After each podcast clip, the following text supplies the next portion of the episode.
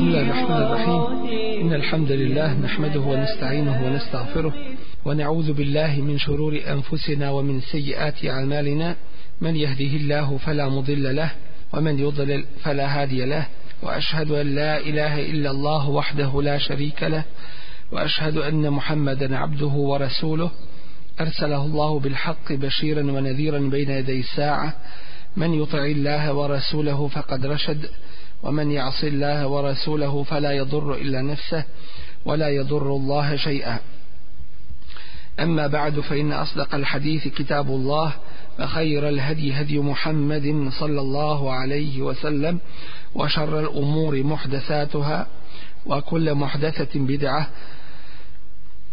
وكل بدعة ضلالة ثم أما بعد نستطيع نشك kazivanje o zekijatu ovog puta o tome na što se sve daje zekijat i u kolikoj mjeri i količini. Nakon što je bilo već govora o statusu zekijata u islamu, njegovoj važnosti i vrijednosti, nekim od mudrosti i koristi, o tom uslovima, koje čovjek treba da ispuni da bi bio dužan da dadne zekat. Bilo je nešto govora i o tome kakva kazna slijedi onome koji ne plaća zekat, onome koji ne izdvaja zekat iz svoga imetka i time ga ne čisti. Ovom prilikom sa Allahom te ta'ala pomoći govorimo o vrstama imetka na koje se daje zekat i ovo je jedan dio jedan važan dio sastavni dio naše vjere što čovjek treba da zna i upozna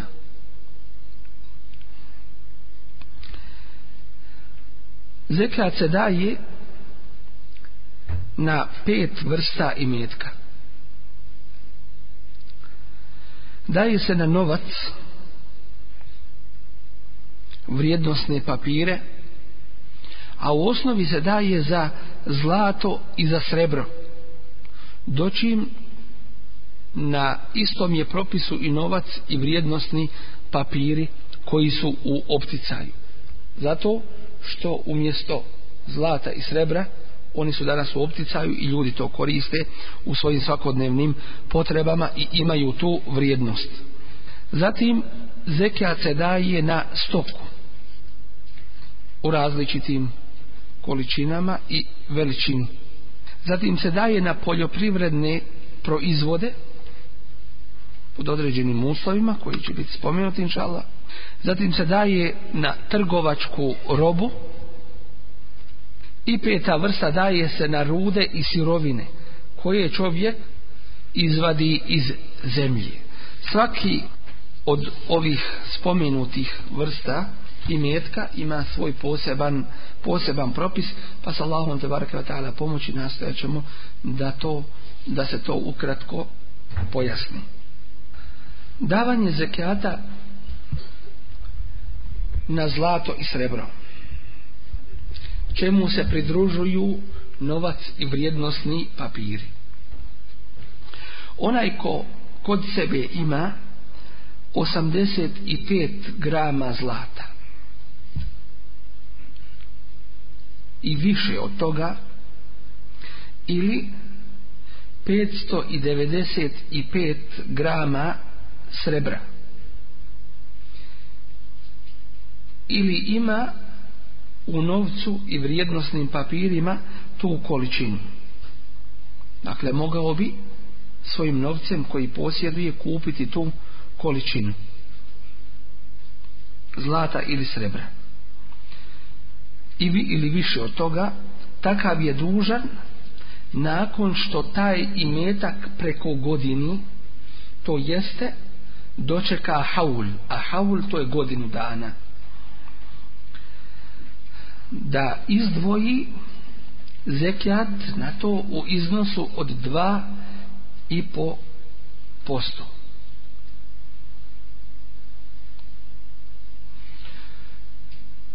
Ono što ćemo spominjati ovom prilikom jeste nisab. A šta je nisab? To je količina novca na koji čovjek daje zekijat. Zapravo, onaj minimum na koji daje zekijat, a sve više od toga svakako da podliježe tome. Dakle, kada čovjek dostigne nisab i kada taj imetak preko godini kod njega, u tom slučaju daje zekat na njega 2,5%. To mu je dužnost i obaveza. I to je jedan, rekli smo, od temelja Islama. Nakon šehadeta i namaza, zekijat je jedan od temelja Islama uz post i uz hađu.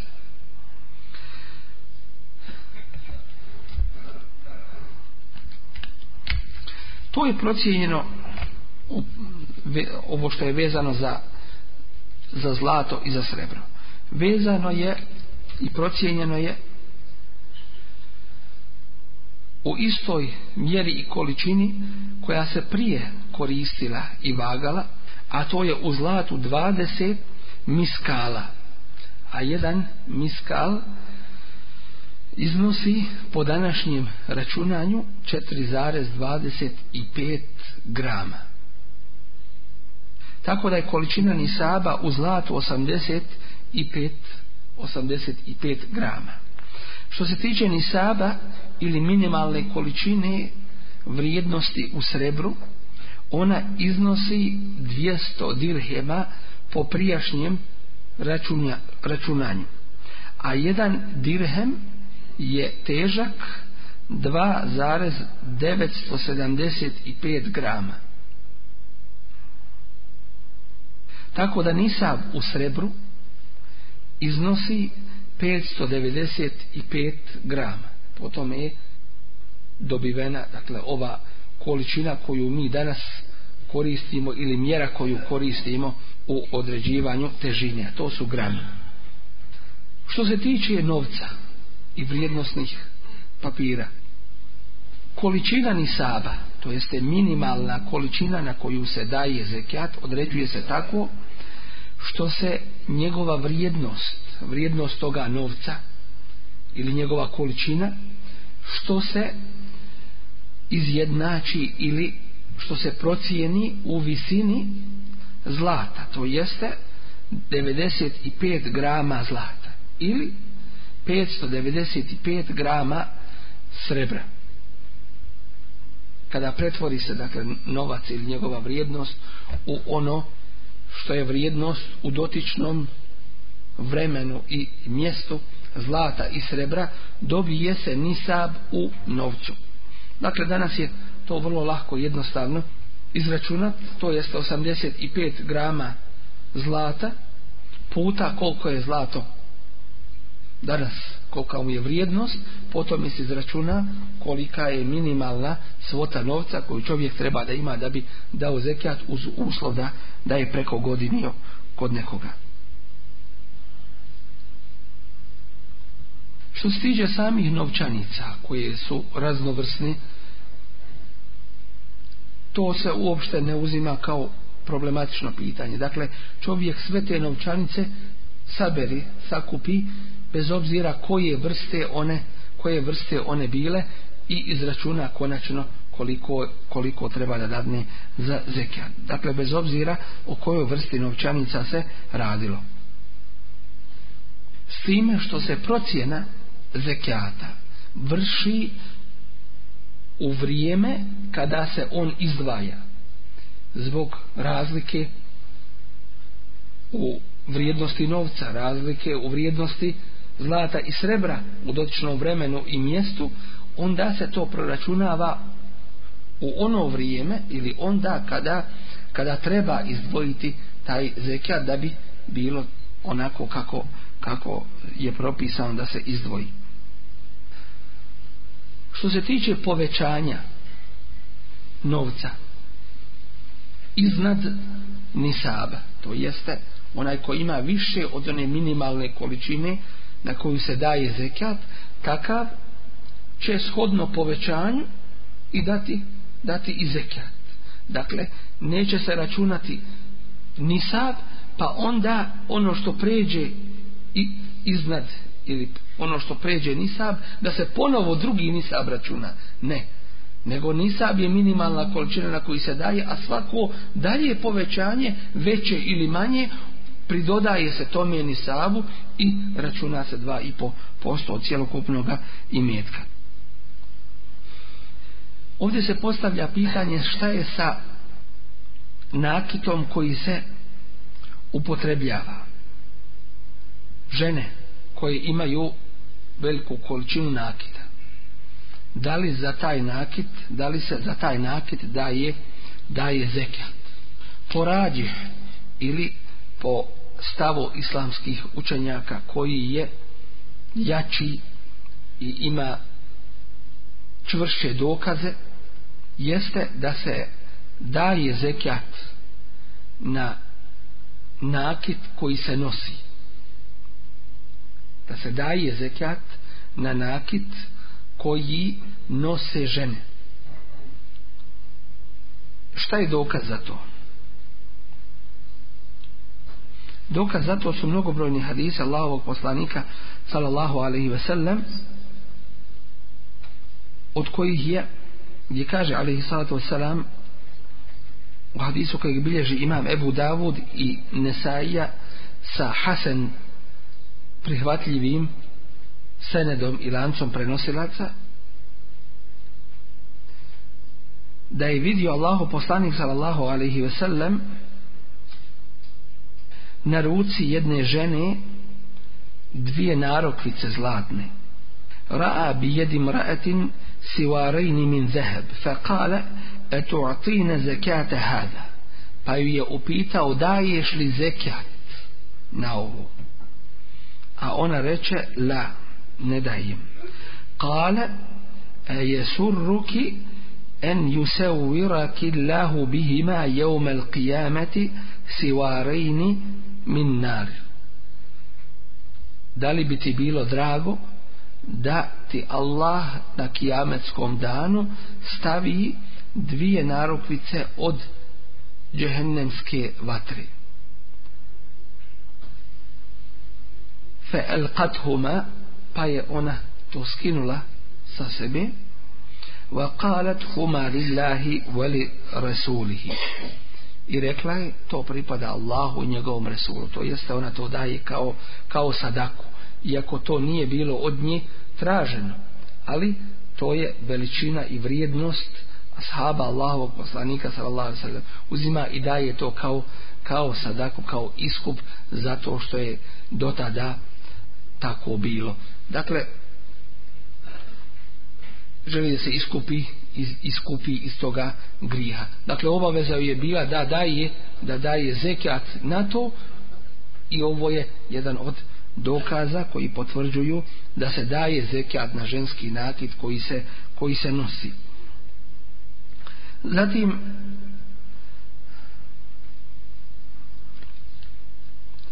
općeniti dokazi iz Kur'ana i iz hadisa Allahovog poslanika sallallahu alaihi sallam da se daje zekat da se daje zekat na zlato i srebro tako da se time ne izdvaja u tim dokazima ne izdvaja se zlato koje se nosi od onoga koje se, koje se ne nosi jer je u biti to zlato vrijednost ono se u bilo koje doba može može, može prodati i unovčiti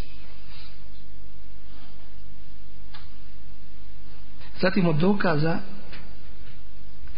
jeste i hadis lavog poslanika samo u kojem kaže ma min sahibi zehebin ev fiddatin nema ni jednoga posjednika ili vlasnika zlata ili srebra la ju eddi zekataha koji ne daje zekat na to illa iza kana jevmel qijameti a da neće kada bude na kijametskom danu suffihat lehu safaihu min nar a da mu se neće to napraviti džehennemskim pločama ili pločama u džehennemskom vatri hadis je podruži spomenut je u proteklom kazivanju zatim ono što je spomenuto od ummi Seleme radijallahu anha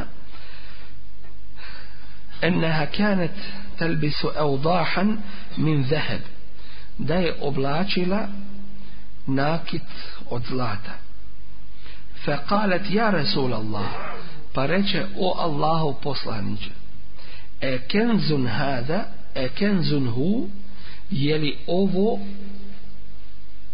riznica a riznica kenz spominje se u suri et teube da će za te riznice ljudi odgovarati da Allahom te barake da, zapravo da će njima biti pačeni kažnjavani na sudnjim danu pa ona pita je li ovo riznica a već smo spomenuli da se riznicom naziva ono na što se ne daje zekat pa kaže Allaho poslanik sa Allahu alaihi ve sellem odgovarajući joj na to pitanje ma belaga en yuzekka fe zukije fe lejse bikenzin ono što dosegne vrijednost da se za njega daje zekat pa bude za, dat zekat na njega to nije riznicom to jeste to nije onim imetkom za koji će čovjek biti kažnjen na sudnjemu danu dakle ako bude očišćen taj imetak zekatom ovo je stav imama Ebu Hanife rahimahullahu ta'ala i u ovoj meseli, u ovome pitanju uh, taj stav je najjačih dokaza i najčvršći jer je utemeljen na hadisima i ajetima koji uopšte govore o davanju zekijata gdje se ne izdvaja nakit ženski koji se nosi.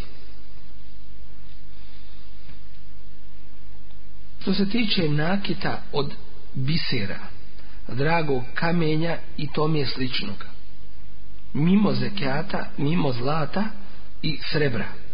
Nemamo u šarijatu dokaza, nemamo u šarijatu dokaza zato da se daje zekat. A šarijat i Allahu tabaraka wa ta'ala bio zakon je zasnovan na na dokazima, a ne na mišljenjima ljudi i pretpostavkama. Tako da zato nemamo dokaza da se daje zekat, osim ako se radi o trgovačkoj robi, a na trgovačku robu dužnost je izdvojiti zekat izdvojiti zekijat, o čemu, o čemu ćemo šala posebno da kažemo i spominimo. Ovdje se postavlja jedno drugo pitanje, a to je kako se daje zekijat na platu. Kako se daje zekijat na, na platu. Imaju dva načina davanja zekijata na platu koju čovjek prima. Prvi način je da čovjek svojoj plati koju dobije ili svaku platu koju dobije da svakoj plati broji godinu dana od njenog uzimanja a svaka plata ima svoj ima svoj nisad tako da čovjek na ovaj način skida obavezu sa sebi drugo je to je mustehab i pogodnije za siromahe, a to je da uzme jednu mjeru za sve plate. I kada prođe godina od prvog primanja plate, daje zekijat na sve što posjeduje, na sve što posjeduje kod sebe. Dakle, to je ono što je vezano za za platu i imovinu i metak koji čovjek posjeduje. Dakle, zlato, srebro i novac i vrijednostni papiri koji su u vrijednosti zlata i srebra. Drugo je trgovačka roba. To je roba koja je pripremljena ili kojom čovjek ima namjeru da trguje i zaradi na njoj. Ona se procjenjuje na kraju godine. Takva roba se procjenjuje na kraju godine i od nje se ili iz nje se izdvaja, to jeste od njene vrijednosti, četvrtina desetini. Koliko je to? Dva i po posto opet. Bez obzira da li njena vrijednost bila kao kada je kupljena ili veća ili, ili manja po hadisu Allahog poslanika sallahu alaihi ve sellem kojeg bilježi imam Ebu Davud a gdje kaže Allahog poslanika sallahu sellem a spominje nam Semure kane Resulullahi sallallahu alaihi ve sellem je'muruna en nuhriđe sadaqate min alladhi nu'idduhu lil bejah Allahu poslanik sallallahu alaihi ve sellem nam je naređivao da dadnemo zekat u ovom slučaju ovdje sadaka koja se spominje sadaka je u značenju u značenju zekijata. Naredio nam je da dajemo zekijat ili izdvajamo zekijat od onoga što smo pripremili za trgovinu. Dakle, onaj ko ima trgovačku robu, takav će na kraju godine kada, kada prođe onaj haul, kada prođe taj period od godinu dana, tada će procijeniti tu robu i na vrijednost te robe da će 2,5%. Što se tiče robe koja je prodata, šta je s, njim, s njom? Neko će pitat, neka roba je ostala, ona će se procijeniti. To, dakle, čovjek na kraju godine, te kada je, kada je uzeo da računa, na kraju te godine napravi ono što danas zovu inventur, jel se to tako zove. Dakle, i pobilježi svu robu, zapiše vrijednost i na osnovu toga izdvoji, na osnovu toga izdvoji zekijan. Doći mi ima robe koja je prodata. Šta je s njom? Ona se priključuje njenom aslu.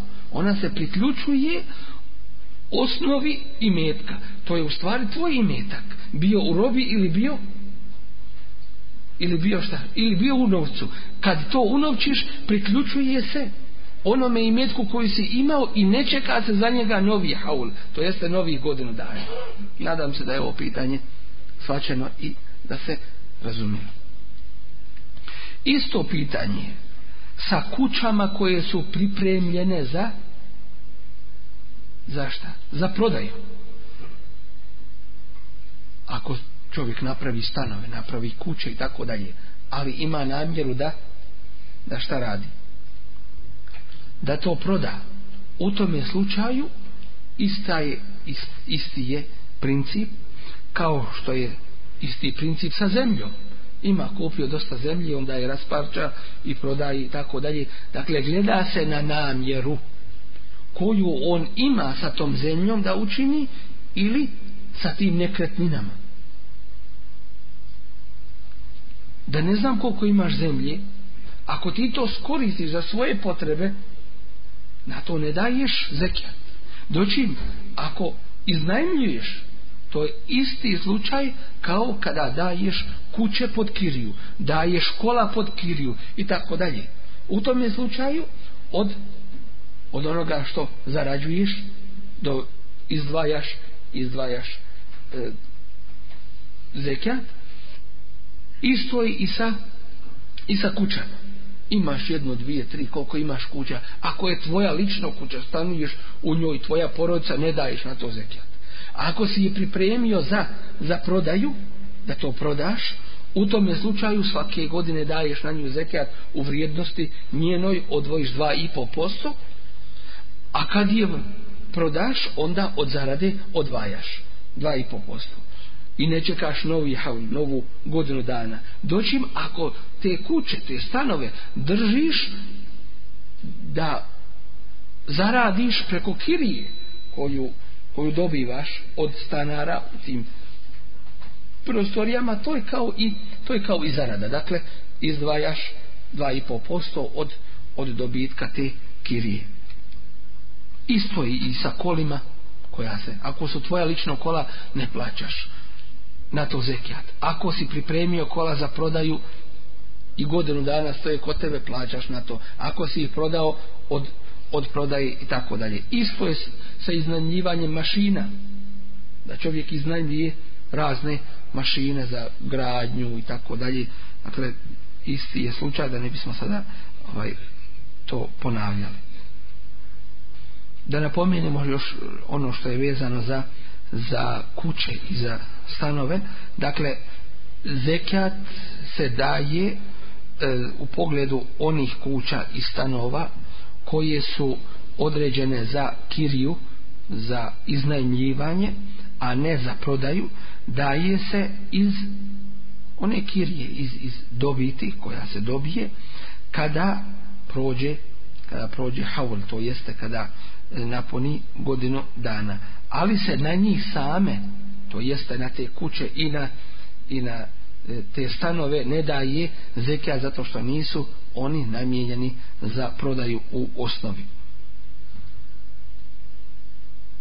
Isto još jedna napomena, a to je kada čovjek kod sebe ima ili kod, kad se kod njega E, sakupi toliko imetka da dostigne nisab ili ga još prijeđe na njemu je da ili obaveza mu je da daje zekijat na to kada godina dana e, se navrši bez obzira da li čovjek imao namjeru to trošiti negdje ili nekoga nekome pokloniti, nekoga izdržavati, da li imao namjeru od toga otići na hađ, da li imao namjeru od toga se oženiti recimo ili da li imao namjeru za to kupiti sebi stan ili imao namjeru dati dati na to ovaj dati e, vratiti e, sredstva kao dug kada se to nakupi kod, kod njega ili sakupi u visini nisaba daje se daje se e, zekijat zbog toga što uopšteno E, dokazi ovoga šarijata ukazuju na davanje i izdvajanje zekijata. Mi ćemo govoriti, inša Allah, mi ćemo govoriti, inša Allah, u narednom kazivanju kome se daje, a kome ne daje zekijat. Ovdje kad smo se domatili ovoga pitanja, e, treba napomenuti da se zekijat ne daje na zekijat. Kako? ako se sakupi u nekoj ustanovi, instituciji, toliko imetka da, da, pređ, da dosegne nisab ili ga pređe od zekijata, pa to preko godini kod njih, na to se neće davati zekijat ponovo. Ili, ako se, na primjer, u mesđidu sakupi sredstava za održavanje mesđida i tako dalje, ili za pomoć u, u nekoj humanitarnoj ustanovi za pomoć jetimima i tako dalje to je u osnovi namijenjeno za, za pomoć drugima dakle zato se ne daje na to se ne daje zekat već to je namijenjeno za ove u osnovi svrhe kojima je i propisano da se da se daje da se daje zekat postavlja se pitanje kad smo već kod ovoga da li daje da li dug spriječava da se daje zekat, ono što je ispravno jače e, u riječima islamskih učenjaka jeste da dug ne spriječava da se daje da se daje zekat. Isto tako kod imetka jetima kod imetka jetima zatim neuračunjivih osoba nad kojima se uspostavilo starateljstvo iz njihovog imetka iz njihovog imetka se izdvaja, dužnost je da se izdvaja zekijat kada dosegne svoj nisab i kada preko godini. A to će učiniti umjesto njih njihovi zastupnici, njihovi, njihovi staratelji. Dakle, izdvojit će iz njihovog imetka taj nisab sa nijetom zekijata po hadisima Allahog poslanika sallallahu alaihi ve sellem kada je rekao Muazu poslavši ga u Jemen inna Allah eftarada alejhim sadakatan fi emualihim tuhadu min agnijaihim wa turaddu fi fukaraihim Allah im je propisao ili naredio zekat da daju iz svojih imetaka koji se uzima od njihovih bogatih nije rekao ovih ili onih. Jedino svojstvo koje se tu traži jeste da su bogati, dakle da imaju taj nisab koji je određen, e, koji je već spomenut. Tuhadu min agnijaihim, uzima se od njihovih bogatih, otvoradu fi fukaraihim i vraća se njihovim siromašnima. Dakle, to je njihov, to je njihov hak ovdje da napomenemo dakle da zarada od trgovini zarada od trgovini ukoliko dostigne vrijednost nisaba ubraja se u glavnicu i ne čeka se novo preko godinjenje osim ukoliko se nisab glavnice upotpuni sa tom zaradom dakle nisab nije bio upotpunjen osim kada mu se priloži ta zarada u tome slučaju se čeka novi hal, to jeste nova godina dana i počinje se brojati od vremena u kojem se upotpunio taj od vremena u kojem se kojem se upotpunio taj nisab. Kada smo već kod, kod trgovačke robe, onda ćemo, inšala, da vidimo i pitanje koje se veže za ovo, a to je zekijat na poljoprivredne proizvode. To je treća vrsta na koju se daje zekat. Po stavu većine učenjaka zekat se izdvaja na poljoprivredne proizvode. I to kada dostignu vrijednost nisaba. Po riječima Allahov poslanika sallallahu alaihi ve sellem koji je mutefakun alaihi prenosi ga i Buharija i Muslim, na manje od pet vaseka nije obavezno davati zekat. A vasek to je 60 saa po mjerilu saa u vrijeme Allahovog poslanika sallallahu alaihi wasallam. To iznosi u pšenici, na primjer, nešto oko 650 32 kg pšenice. Dakle, to je nisab na, na pšenicu. Za ovu vrstu za ovu vrstu davanja zekijata nije uslov da preko godini nije uslov za ovo da preko godini po kuranskom ajetu u suri Al-An'am 141. ajet wa atu haqqahu yawma hasadihi i podajte na dan žetve i berbe ono na što drugi pravo imaju. Dakle, vrijeme izdvajanja zekijata na poljoprivredne proizvode jeste na dan žetvi. Na dan žetvi, a ne godinu dana da se, da se čeka koliko se izdvaja koliko se izdvaja kolika količina se izdvaja u poljoprivrednim proizvodima izdvaja se jedna desetina za ono gdje nije bilo potrebe da se navodnjava nekom teškoćom ili sredstvima navodnjavanja doći im pola od toga se daje na ono gdje se mora uložiti trud i napor da se da se održava dakle ta ti poljoprivredni proizvodi i da se napajaju i tako dalje. Dakle, onda gdje je uložen trud ljudski i, i mašine gdje su morale da da rade da bi izvukle vodu iz zemlje i tako dalje tu je već trebalo truda i pola od te desetine se se daje onda gdje nije trebalo gdje je kišom zalijevano zavisno od mjesta vremena i tako dalje onda gdje je kišom zalijevano zatim rijekama koje tek, teku izvorima koji ovaj koji sami sobom napajaju dakle to nije bilo to nije bilo poteškoće onda se onda se daje pola od desetine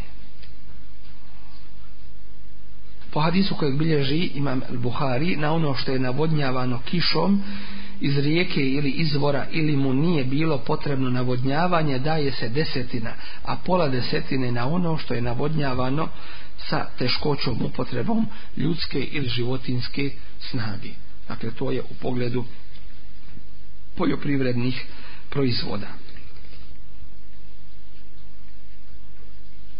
Ovdje imamo još jedno pitanje koje bi trebalo da se spomene, to ćemo ovdje sada inša Allah, da kažem da poljoprivredni proizvodi koji se ne mogu ostavljati koji se ne mogu ostavljati zbog brzog propadanja na njih se ne daje zekijat Dakle, ovdje je uslov da su poljoprivredni proizvodi na koje se na koje se daje zekijat oni koji se mogu ostavljati, koji mogu jedan period da vremena da, da ostaju. Doći zelje recimo e, ili špinač što kažu ili nešto od ovih od, od voća i od povrća koji su e, kratkoročni, za njih se ne daje, za njih se ne daje zekijat. Pitanje ruda i, i sirovina. U rude i sirovine ubraja se sve ono što se izvadi iz zemlje. U to se ne ubraja rastinje. Dakle, ruda je, ruda je ono što se, što se vadi iz zemlje i od čega se dobivaju proizvodi koji imaju svoju vrijednost. Zlato, srebro, željezo, bakar, rubin, nafta i tako dalje. Obavezno je na to izdvojiti zekijat. Kur'anski ajet u suri Al-Bakari kaže Allah tabaraka wa ta'ala u 267. ajetu Ja ih ljudina amenu anfiqu min tayyibati ma kasabtum wa mimma akhrajna lakum min al-ard. Ovi koji vjerujete, udjeljujte od lijepih stvari koje stječete i od onoga što vam mi iz zemlje dajemo.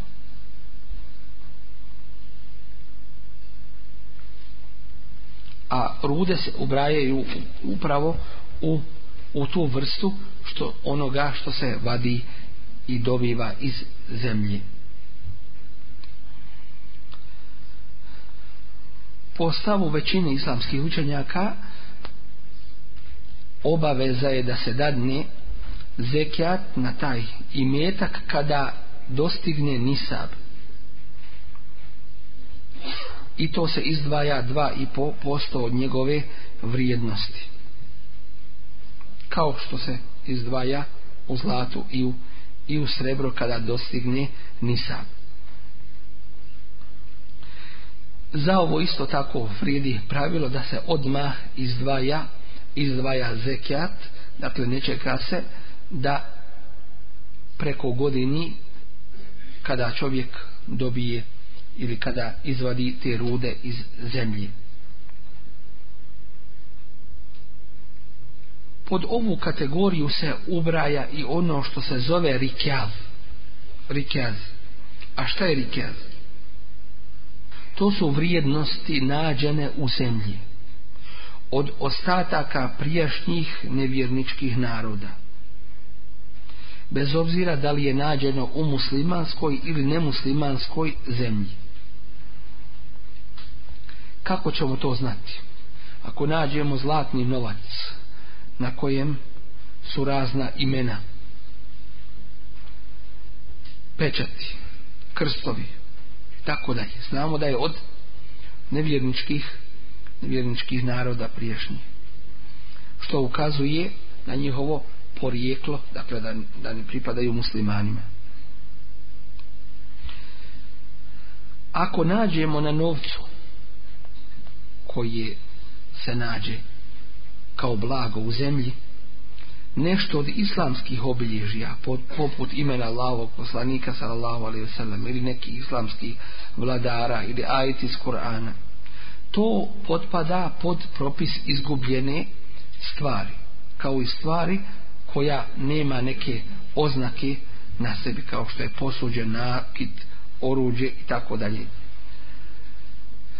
Takve stvari ne mogu se usvojiti ili uzeti dok se ne provjeri njihovo porijeklo jer je to muslimanski imetak koji je u nečijem drugome vlasništvu.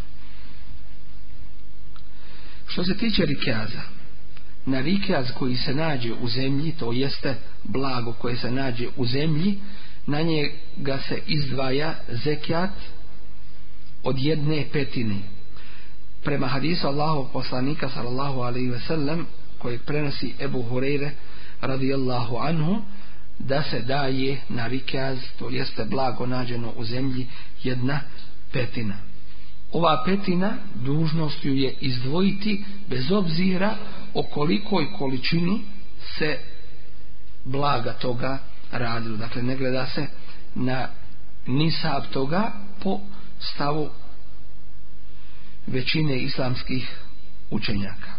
A isto tako to ima zapravo isti je propis vezan i za ratni plijen koji se dobije bez borbe, koji se zove fejiga. Ostatak imetka pripada po mišljenju islamskih učenjaka onome koji ga je našao onako kako je postupio Omer radijallahu anhu koji je ostatak nađenog blaga predao onome koji ga je našao. Ostaje nam još pitanje, jedno da obradimo ovom prilikom, a to pitanje je vezano za za šta? Vezano je za stoku. Kako se daje zekijat na stoku? Na stoku je obavezno izdvojiti zekijat pod uslovom da je bila na ispaši većim dijelom godine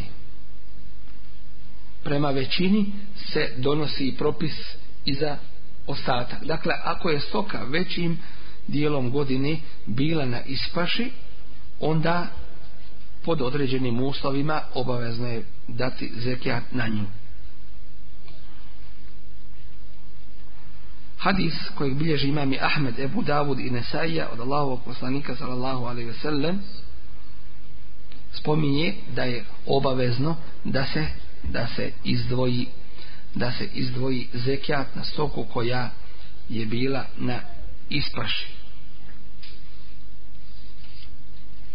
I hadis koji bilježi isto tako u tome smislu imam El Buhari.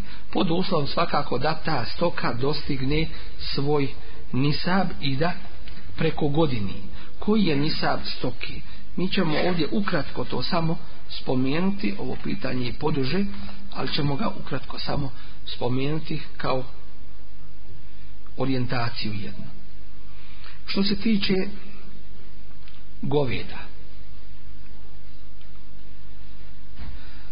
od 30 do 39 goveda daje se jednogodišnje tele za zekat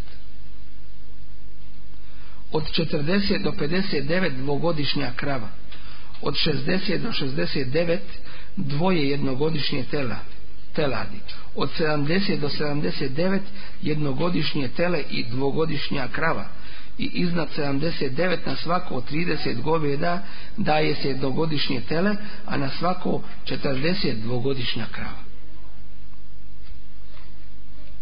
Pod uslovom koji smo spomenuli, a to je da je već, veći dio godine bila na ispaš. Što se tiče sitne stoke, zekijat se ne daje ispod, na stoku ispod 40 njih. Od 40 ovaca do 120 od ovaca daje se jedna ovca. Od 121 do 200 daju se dvije ovce. Od 201 do 300 daju se tri ovce i iznad tri stotine ovaca na svaku stotinu daje se po jedna ovca. To je lako. Sad. I što se tiče deva kod nas, nema deva. Samo da napomenemo, od pet do devet deva dolazi jedna ovca. A zekijat. Od deset do četrnaest dvije ovce, od 15 do 19 tri ovce od 20 do 24 četiri ovce 25 do 35 žensko devče od godinu dana koje se zove Bintu Mehav od 36 do 45 žensko devče od dvije godine Bintu Lebun od 46 do 60 trogodišnja deva Heka se zove i tako dalje po po ovoj mjeri dokaz za ovaj hadis Enesa radijallahu anhu koji kaže da mu je Ebu Bekr radijallahu anhu napisao pismo kada ga je poslao u Bahrein u kojem je podrobno stajalo i spomenuto koliko će koliko će se davati zekijata na koju vrstu stoke. Ovaj hadis bilježi imam El Buhari.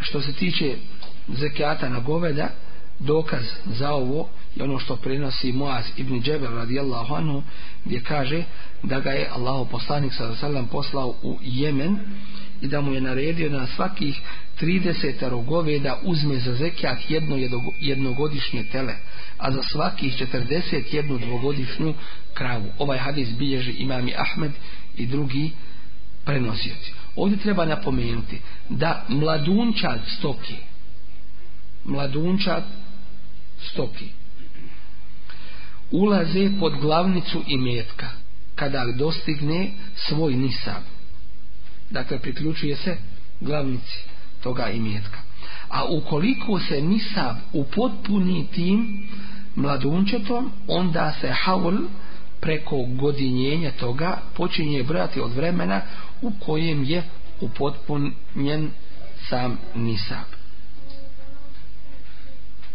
ako je stoka namijenjena za trgovinu na nju se daje zekat kao na trgovačku robu dakle ne kao ova procjena zekijata koju smo sada spomenuli, nego kao zekijat na trgovačku robu. A ako je namjenjena za rad ili rasplodnju, onda čovjek nije dužan na to dati zekijat po hadisu, riječima Allahov poslanika sa srlem, kojeg bilježi imam i Buharija i muslim da musliman nije obavezan davati zekijat na svoga roba niti na, na konja dakle ono što mu, što mu radi ono što mu radi doćim ako ako iznajmije tu stoku da je pod kiriju onda ulazi pod, pod najam dakle ta kirija se ta kirija se e, računa to su uopšteno bila pitanje vezana za ono na što se daje za ono na što se daje zekat ovdje se postavljaju neka pitanja pitanja ima puno da li će čovjek dati zekat na imetak da li će dati zekat na imetak koji je posudio drugoj osobi dakle imetak koji je posudio drugoj osobi koji nije kod njega da li će na taj imetak davati zekijat. Osnova je da se i na taj imetak daje zekijat. Zašto? Neko će postaviti pitanje. Osnova je zato što se taj imetak tebi pripisuje. U osnovi taj imetak se tebi pripisuje. I može neko reći kakve ja imam koristi od toga što je moj imetak kod, kod drugoga. Mi kažemo dok je kod drugog imetak, on ti je garant toga imetka. Daješ to što ti drugi čuva i garantuje za taj, za taj imetak. Znači imamo dvije danas situacije među ljudima, a to je dvije vrste dužnika. Pa su islamski učenjaci napravili razliku između njih. Jedna vrsta je oni dužnici koji nisu u stanju vratiti dug. Nisu u stanju vratiti dug. U tom je slučaju čovjek će dati zekijat na taj imetak kada mu ovaj vrati dug za proteklu godinu dana. Dođim ako se radi o dužniku koji u bilo koje vrijeme, u bilo koje doba, kada se od njega zatraži taj imetak, ustavljuje da ga, da ga isplati, da vrati taj dug, u tome slučaju hukom ili propis u pogledu toga imetka je kao da je i kod tebe.